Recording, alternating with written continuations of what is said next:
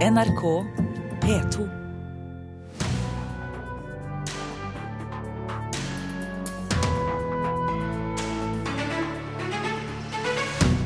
Stort arbeidspress i filmbransjen. To av tre medlemmer i Filmforbundet sier de har gått på en smell.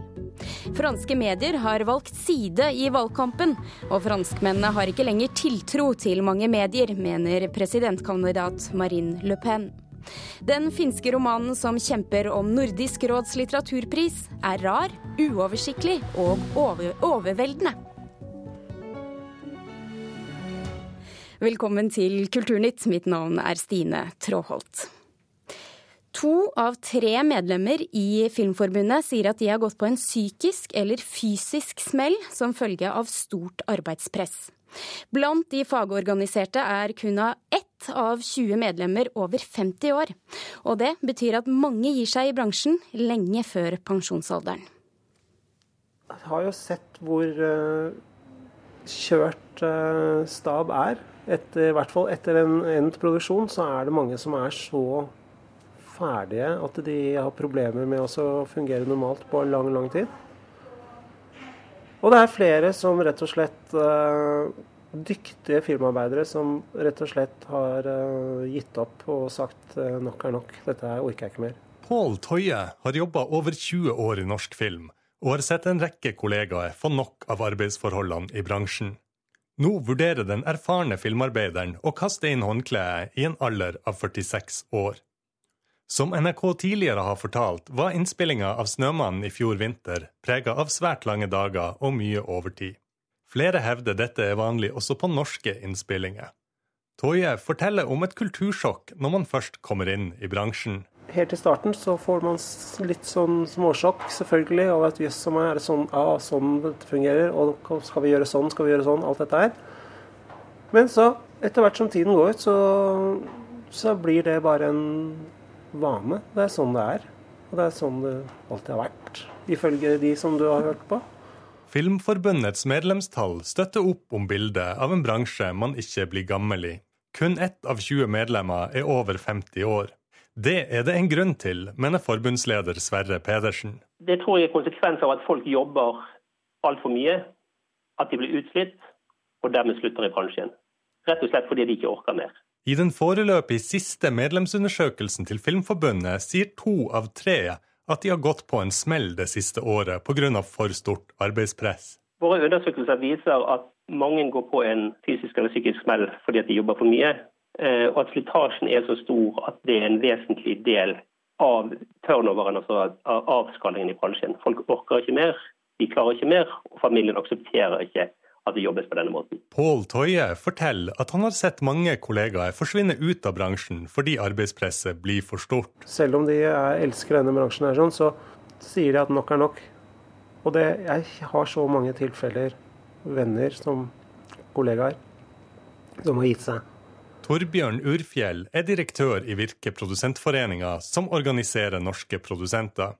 Han mener ting har blitt bedre siden Filmforbundets medlemsundersøkelse ble gjort i fjor, og har tro på at det er mulig å bli gammel også i norsk filmbransje. Film- og TV-produksjon vil nok være arbeidsintensivt òg uh, i framtida, uh, men det skal være mulig å ha et normalt liv uh, med sida av det å jobbe i den fantastiske bransjen. vi jobber med å stadig fornye de avtalene som finnes, og er spesielt opptatt av å forvalte tillitsvalgte på hver produksjon for å sikre at forholdene er som de skal være. Reporter Gaute Sakariassen. Kjetil Lismoen, redaktør i filmbransjebladet Rushprint. Hvor krevende er det å jobbe i norsk film? Eh, det er en spesiell bransje. Eh, selv har jeg, etter å ha fulgt bransjen jeg vet ikke, ca. 15 år, ofte spurt meg selv eh, hvor er alle blitt av? Er jeg den eneste igjen? Altså, det er det, har vært store gjennomskiftninger, og, og, det kommer aldri til å bli en åtte til fire-jobb. Det vet jo alle som har jobbet i film- og, og TV-bransjen. Men det er en kjempeutfordring for bransjen å forene behovet for fleksible arbeidsforhold som gjør at det at den er så spesiell, eh, at man får den til å fungere, samtidig som man må ta vare på arbeidsmiljøet. Og, og dette er noe bransjen må løse. Og, og, Det kan godt hende at det er blitt bedre det siste året, eh, men, men gjennomgående de siste ti årene så, så har jeg jo sett at eh, det er, det er få som har, får lange karrierer i denne bransjen. og selv har jeg sagt til mine barn at ikke søk deg til filmbransjen hvis du ikke kan la være. Hvis ikke du brenner for det. Da skal du gjøre det. Men, men styr unna hvis ikke du brenner for det. Men er det noen spesielle grep som er gjort det siste året som gjør at det har blitt bedre? Eh, det vet jeg ikke. Eh, så det er vanskelig å si. Er det mulig å bli gammel i denne bransjen, da? Det er jo ikke det. og jeg tror, altså Det er et trøkk i film- og TV-bransjen som gjør at det, det, er veldig vanskelig å være på høyden profesjonelt fram til pensjonsalder. Eh, det er noen få som klarer det. og Jeg, jeg, jeg tror at det ville vært vanskelig uansett, eh, faktisk. Vi har snakket om denne problematikken flere runder her i Kulturnytt den siste tiden, og mange tør ikke å stå fram og fortelle hvordan det oppleves å være en del av denne bransjen, fordi de frykter rett og slett for konsekvensene. Hva syns du om det? Jeg forstår det, men jeg syns det er litt feigt. Eh, og det er ganske destruktivt for å få en ordentlig debatt om det. Eh, man bør kunne greie å stå frem eh, hvis det er såpass mye som står på spill. Men, men, nå er det jo flere som har såkalt stått frem her, da. Mm. Så det går an å ha en en, en, diskusjon om dette uten at det får konsekvenser. Og, det, og Noen ganger så føler jeg at i, i denne filmbransjen at det er litt sånn litt sånn selvpålagt sensur også. Det er rom for uh, meningsbrytninger og, og krangling eh, i offentligheten eh, uten at det får de konsekvensene man frykter. Hva bør endre seg først og fremst for at dette skal bli bedre å leve et langt liv? Det er et press på hele mediebransjen nå. Film- og TV-produksjon er spesielt uh, utsatt fordi det ikke er en 8-4-jobb. Uh, eh, og man lever i perioder som en nomade. Så jeg, jeg, kan ikke se en sånn umiddelbar bedring med det første. Og, og, og, du kan ikke endre bransjens natur, det tror jeg er vanskelig. Men man må ta på alvor det at hvis dette, det skal være langsiktighet i denne film- og TV-bransjen, eh, så må man legge tingene bedre til rette for, eh, for, eh, at man har et arbeidsmiljø. fordi det er jo desto viktigere siden bransjen er såpass spesiell og utsatt. Tusen takk for at du kom til Kulturnytt, Kjetil Lismoen, som altså er redaktør i filmbransjebladet Rushprint.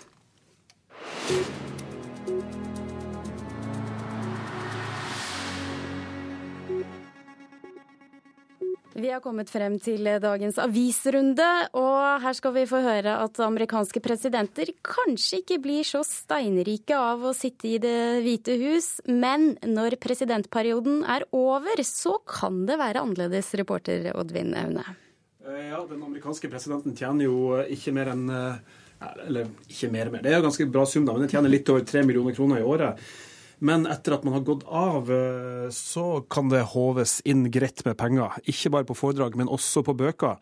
Ifølge Financial Times så har eh, Barack og Michelle Obama nå signert en avtale med eh, forlaget Penguin Random House om å skrive hver sin memoarbok. Og Det har skjedd etter en temmelig heftig budkrig. Avtalen skal være på hele 60 millioner dollar for deres to bøker, og det tilsvarer da 500 millioner norske kroner. Og det her skal være da en solid rekord. Mye bedre enn det Bill Clinton fikk for sine memoarer. Og så skal vi gjøre et hopp til minnesmerket etter 22. juli-angrepene. Er det mye som tyder på at forslaget til støttegruppa og AUF blir hørt? Ja, det er det. For et par uker siden så kom de eh, da med et forslag om å legge det nasjonale minnestedet til, i Hole kommune til Utøykaia i stedet for uh, Sørbråten. Det ble ikke godt mottatt av naboene ved Utstranda. Og Denne uka her har det vært et møte mellom naboene og kommunalminister Jan Tore Sanner, skriver Dagsavisen. Der ble naboene informert om at det er forslaget til støttegruppa og AUF som det skal jobbes videre med. Og Statsbygg har nå fått i oppdrag å utrede saken. Så mye kan tyde på at det er sånn det blir. Vi går videre til bergensrapperne Dårlig vane.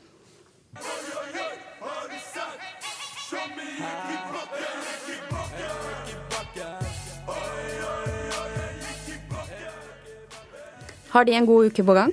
de har en god uke på gang. Dette er en stor uke for rapperne fra Loddefjord i Bergen. De skal spille på Bylarm i Oslo i helga, og de er også klare for finalen i NRK P3s Årets Urørt, som avholdes i kveld. Og den låta vi akkurat hørte, gikk i bakken. Det er den som har gjort at de kan bli til årets Urørt. Og den har jo vokst seg enorm det siste året etter at den ble gitt ut. Den har blitt spilt to millioner ganger på Spotify, ifølge Bergens Tidende. Og det må jo være solid for norskspråklig rapp, særlig fra Bergen. Tusen takk, Oddvin Aune. I Tromsø så har den skjeve kjønnsbalansen på Wikipedia irritert en forsker ved Musikkonservatoriet så mye at hun nå har bestemt seg for å gjøre noe med det. Få artikler om kvinner har lenge vært et problem for den brukerredigerte nettleksikonet. Og det neste året så har forskeren bestemt seg for at en ny Wikipedia-artikkel i uka skal publiseres utelukkende om kvinner. Jeg fant jo fort ut at eh, Berit Nordbakken Solseth, som er sopran og eh, verdenskjent, vil jeg si, ikke hadde en wiki. Hun jobba hos oss på Musikkonservatoriet. Så det var veldig... Hilde Blix viser fram sin aller første Wikipedia-artikkel om sopran Berit Nordbakken Solseth fra Finnsnes i Midt-Troms. Hilde Blix, som jobber som dosent ved Musikkonservatoriet i Tromsø, har lenge irritert seg over den skjeve kjønnsbalansen på Wikipedia. I fjor framsnakka hun 365 kvinner på Facebook.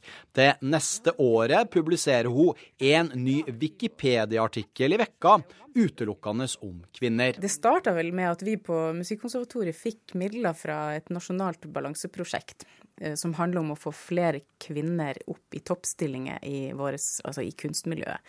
Og så har vi funnet ut at eh, forskning viser at det er ikke nødvendigvis de faktiske prestasjonene til kvinner og menn som gjør at man kommer i søkelyset. Det er hvorvidt det vises eller ikke. Og da har det eh, prosjektet i fjor med 366 fabelaktige kvinner eh, på Facebook og årets Wiki-prosjekt er et slags ledd i en fremsnakking og en få frem de kvinnene som fortjener å bli fremsnakka og vises. På 15 år har Wikipedia blitt verdens største og mest brukte nettleksikon. Så langt er det skrevet mer enn 40 millioner artikler, artikler som skrives og redigeres av brukerne sjøl. Men Wikipedia sliter med kjønnsbalansen. Wikipedias egne undersøkelser viser at kun hver tiende artikkelforfatter er kvinne. Undersøkelser viser også at kun 17% av personartiklene handler om kvinner. Det er en mannsdominans i samfunnet slik at når du skal skrive om ei regjering bestående av menn, da får du ikke noen artikler om kvinner. Sier den pensjonerte læreren Harald Haugland og mangeårig Wikipedia-administrator i Norge. Ifølge han er det vanskelig å endre kjønnsbalansen på Wikipedia, fordi det er brukerne sjøl som bestemmer hva det skal skrives om. Men, understreker han, det er et mål for Wikipedia å få enda flere artikler som handler om kvinner. Det er veldig viktig for oss, det. Og vi har uh, gjennom senere år hatt flere kurs uh, for å prøve å rekruttere kvinner til å skrive, fordi vi tenker at kvinner vil lettere skrive om kvinner. og Sånn sett så er, så er dette en del av den tenkninga som blir gjort uh, rundt uh, dette. På Wikipedia så er det bare 10% av de som skriver som er damer. Og det kan jo ha noe å si for hvordan damer på Wikipedia blir presentert. Så da er jo en del av mitt prosjekt er at i hvert fall én kvinne skriver flere wikier. Og det var Rune Norgård Andreassen som hadde laget dette innslaget. Da er klokken blitt 16 eh, minutter over åtte, og vi skal høre hva hovedsakene i Nyhetsmorgen er akkurat nå. USAs president var mer forsonende i sin tale i natt enn det han har vært tidligere. Donald Trump varslet en storskilt satsing på 1000 milliarder dollar til veier og annen infrastruktur. Trafikkskaddes organisasjon ber om at veier rekkverk igjen blir tillatt her i landet, men motorsyklistene mener at de er farlige. Fremskrittspartiet vurderer å åpne for doble statsborgerskap. Flere fylkesledere sier de nå vil fjerne forbudet. Og da skal vi til den franske valgkampen. For her går Nasjonal Fronts presidentkandidat Marine Le Pen til angrep på mediene. Hun anklager dem for å drive kampanje til inntekt for motkandidaten Emmanuel Macron. Under et valgkamparrangement i Nantes i helgen så refset Le Pen franske medier for om 3500 fremmøtte. Cette élection, les médias ont en effet choisi leur camp. Et puis, ils pleurnichent d'avoir, et c'est vrai, perdu la confiance du peuple qui se tourne, et c'est légitime, vers Internet pour s'informer. Ja, media har altså valgt side, og folk har ikke lenger tiltro til dem, sa Le Pen til vill jubel fra sine tilhengere, europakorrespondent Philip Lote. Hva ligger egentlig bak disse anklagene fra Marine Le Pen? Det ligger en dyp mistillit som har vært der lenge fra Nasjonal Front til de etablerte mediene. Denne gang gikk det særlig hardt utover Pierre Berger, som jobber i avisen eh, Le Monde. Eh, og det hun sier er jo at Mediene syns eh, Emmanuel Macron er ny og spennende, og at de liker han bedre, at han passer bedre med hvor de står politisk. og Dermed så blir også dekningen av valgkampen skjev. Eh, og så er hun ute i hardt vær selv, og da så hun seg søndag tjent med å angripe mediene. Det er det liten tvil om. Men har hun et poeng, hvis man ser det i sin helhet, hvordan franske medier dekker presidentvalgkampen? Hun kan ha et poeng eh, til en viss grad, fordi at eh, rett før nyttår så var jeg ute mye sammen med franske tilhengere av Nasjonal Front. Og de uttrykte noen dyp mistillit til eh, franske medier eh, over lengre tid. og Den er todelt. Den ene er at, går, at det genuint blir feilfremstilt. altså Når de har politiske poenger, eh, når de prøver å legge fram sin politikk, så blir den enten misforstått med vilje, eh, ikke dekket, eller så blir de mer, opp, mer, mer opptatt av støyen rundt Le Pen. At de egentlig ikke holder seg eh, til saken. Og Et eksempel var jo når hun lanserte deler av sitt Eh, valgprogram før jul, eh, så var det nesten ikke dekket av den konservative avisen Le Figaro. Eh, så, så til en viss grad så, så, kan man forstå at de føler seg feilrepresentert. Men samtidig så spiller de på dette. Altså de dyrker litt denne opposisjonen mot mediene som de ser på en del som en del av det etablerte, og at de dermed også klarer til en viss grad å fremstille seg selv som underdogs, som ofre. Eh, og eh, at det går hjem hos en del velgere som også er dypt skeptiske til eliten i Frankrike. Mm.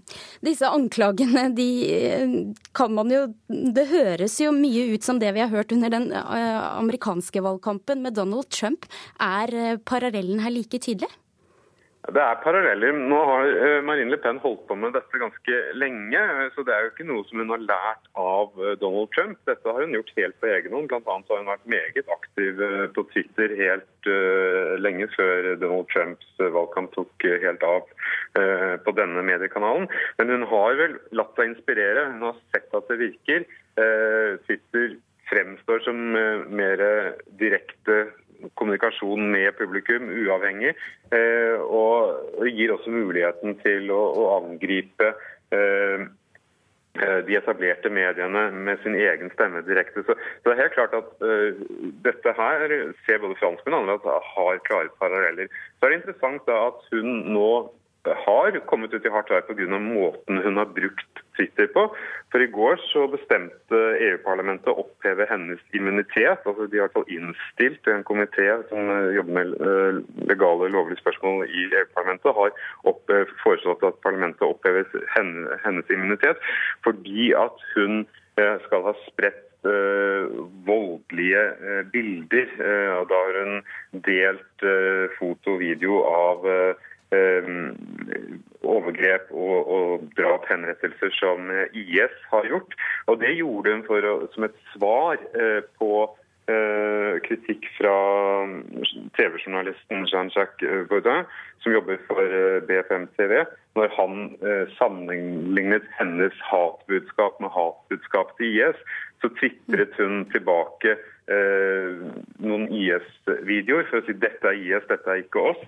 Eh, og, og, har da ifølge påtalemyndigheten muligens brutt fransk lov. Og i går så ble det åpnet for at hun kan bli stilt ansvarlig for, eh, og rettslig ansvarlig for disse Twitter-meldingene. Så selv på Twitter så klarer hun å komme på kant med, med rettsvesen og andre medier.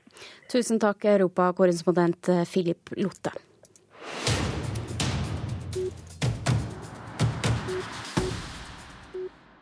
Den finske romanen som er nominert til Nordisk råds litteraturpris, handler om livet etter døden. Boka ble i fjor hedret med Finlandia-prisen, og har akkurat nå kommet ut på norsk. Den er skrevet av, av Laura Lindstedt. Anne Katrine Straume, du har lest denne romanen. Hva slags bok er dette? Det er en overveldende og original og oppfinnsom bok. Eh, den handler altså om sju kvinner som møtes etter døden i et stort, hvitt landskap, et slags rom uten tak og vegger. Og de vet ikke først at de er døde. Ehm, og så begynner de å fylle dette tomrommet med ting de har tatt med seg over fra den andre siden, og etter hvert om, eh, med historiene om deres liv. Og disse fortellingene de stopper like før døden inntreffer, og der holder Laura Lindstedt oss da på pinebenken, oss som leser. Men til slutt, eh, i bokens siste del, så får hver av disse kvinnene, som kommer fra ulike deler av verden og har hvert sitt språk, de får sin egen historie om dette dødsøyeblikket. Og da har de på en måte de andre med seg, kanskje som en slags støtte da, inn i dette siste, denne overgangen fra liv til død. En ganske original historie. Hvordan eh, vil du beskrive hvordan den rulles opp her? Ja, Det er en helt spesiell og original historie, selv om man jo har andre forfattere som har skrevet om, om dette før. Um, hun bruker ja, Hun bruker noen slags uh, ulike typer tekster. Både uh, sånn tradisjonell fortelling, og så er det jo dette magisk realistiske med døden. jo At det går an å snakke sammen etter døden. Så har hun små essays. Hun har et helt foredrag fra en performanceforestilling. Uh, hun har en dødsannonse. Hun har fiktive avisartikler. Så hun bruker ulike typer tekster som får oss lesere til å henge med hele veien. Og jeg tenker at Boken den fremstår nesten som en lek med døden. Um, Kolbein Falkeid han har jo skrevet et, et dikt som lyder noe sånn som um, Døden er ikke så skremmende som før. Folket jeg var glad i, har gått foran og kvistet løype. Og noe av det samme det gjør Laura Lindstedt. Altså hun fabulerer om hva døden kan være for noe. Og hun holder frem disse enkeltskjebnene, disse kvinnene som har hver sin historie, men som samtidig løftes over i et skjebnefellesskap. Forfatteren brukte syv år på å skrive denne boka. Det er ganske lang tid, eh, og den er litt spesiell. Hva tenker du om vinnersjansene i forhold til når man ser sånn tradisjonelt på, på hvilke bøker som vinner priser under eh, Nordisk råd? Ja, den er jo eksperimentell, men de eksperimentelle bøker har vunnet Nordisk råds litteraturpris tidligere. F.eks. Sara Stridsberg, svenske uh, unge forfatteren, som også var uh, overraskende. Uh, den vant den store Finlandia-prisen i fjor, så den har allerede begeistret noen juryer. Jeg tenker at den er såpass um, utfordrende, også provoserende. Det er en sterkt feministisk bok. Det er en bok om kommunikasjon, om kropp, om kjønn også om religion, så den vil kanskje provosere noen. Kanskje er det en bok som kan både samle og splitte en jury. Så, men går den til topp, så syns jeg det er en verdig vinner. Og så har den litt mystisk tittel, oneiron. Hva oneiron, betyr det? Ja, Det er et gresk ord som betyr drøm eller hallusinasjon. Og kanskje så kan man lese denne boken som at dette møtet det, på det andre stedet, som vi ikke vet er himmel, helvete eller et ventested, kanskje det faktisk er en drøm i hver av disse kvinnenes uh, hode.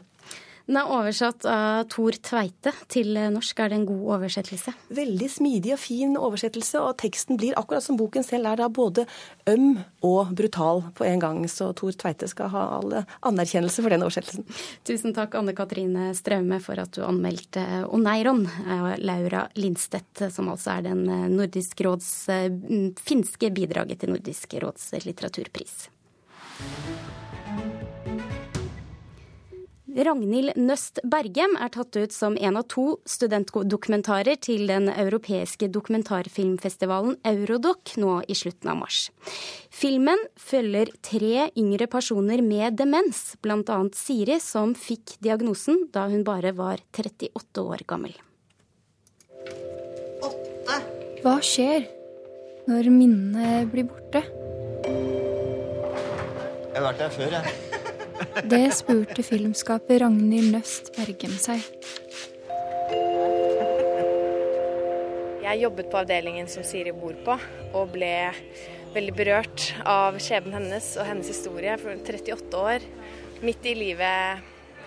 Gift, barn, full jobb.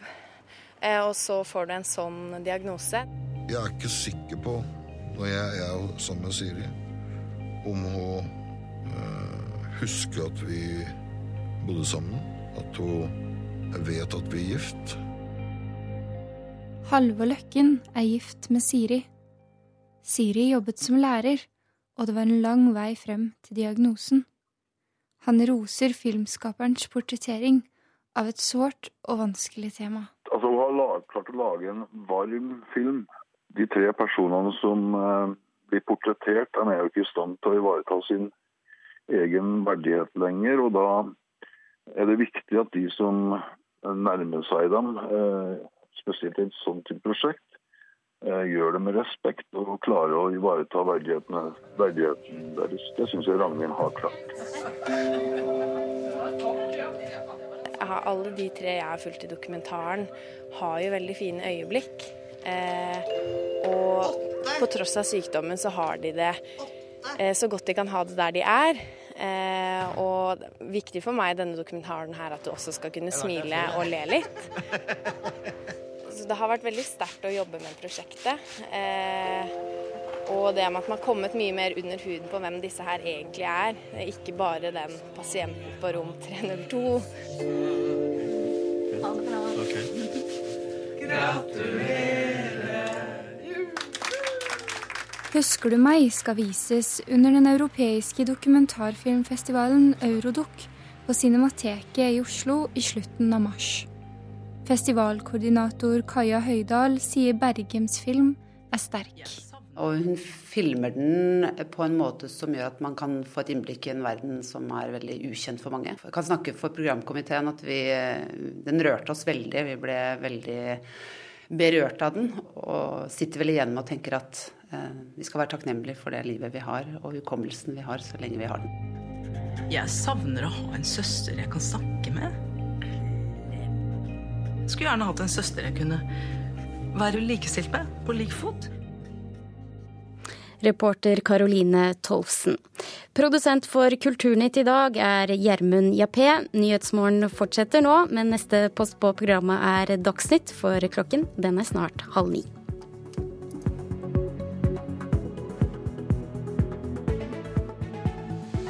Hør flere podkaster på nrk.no podkast.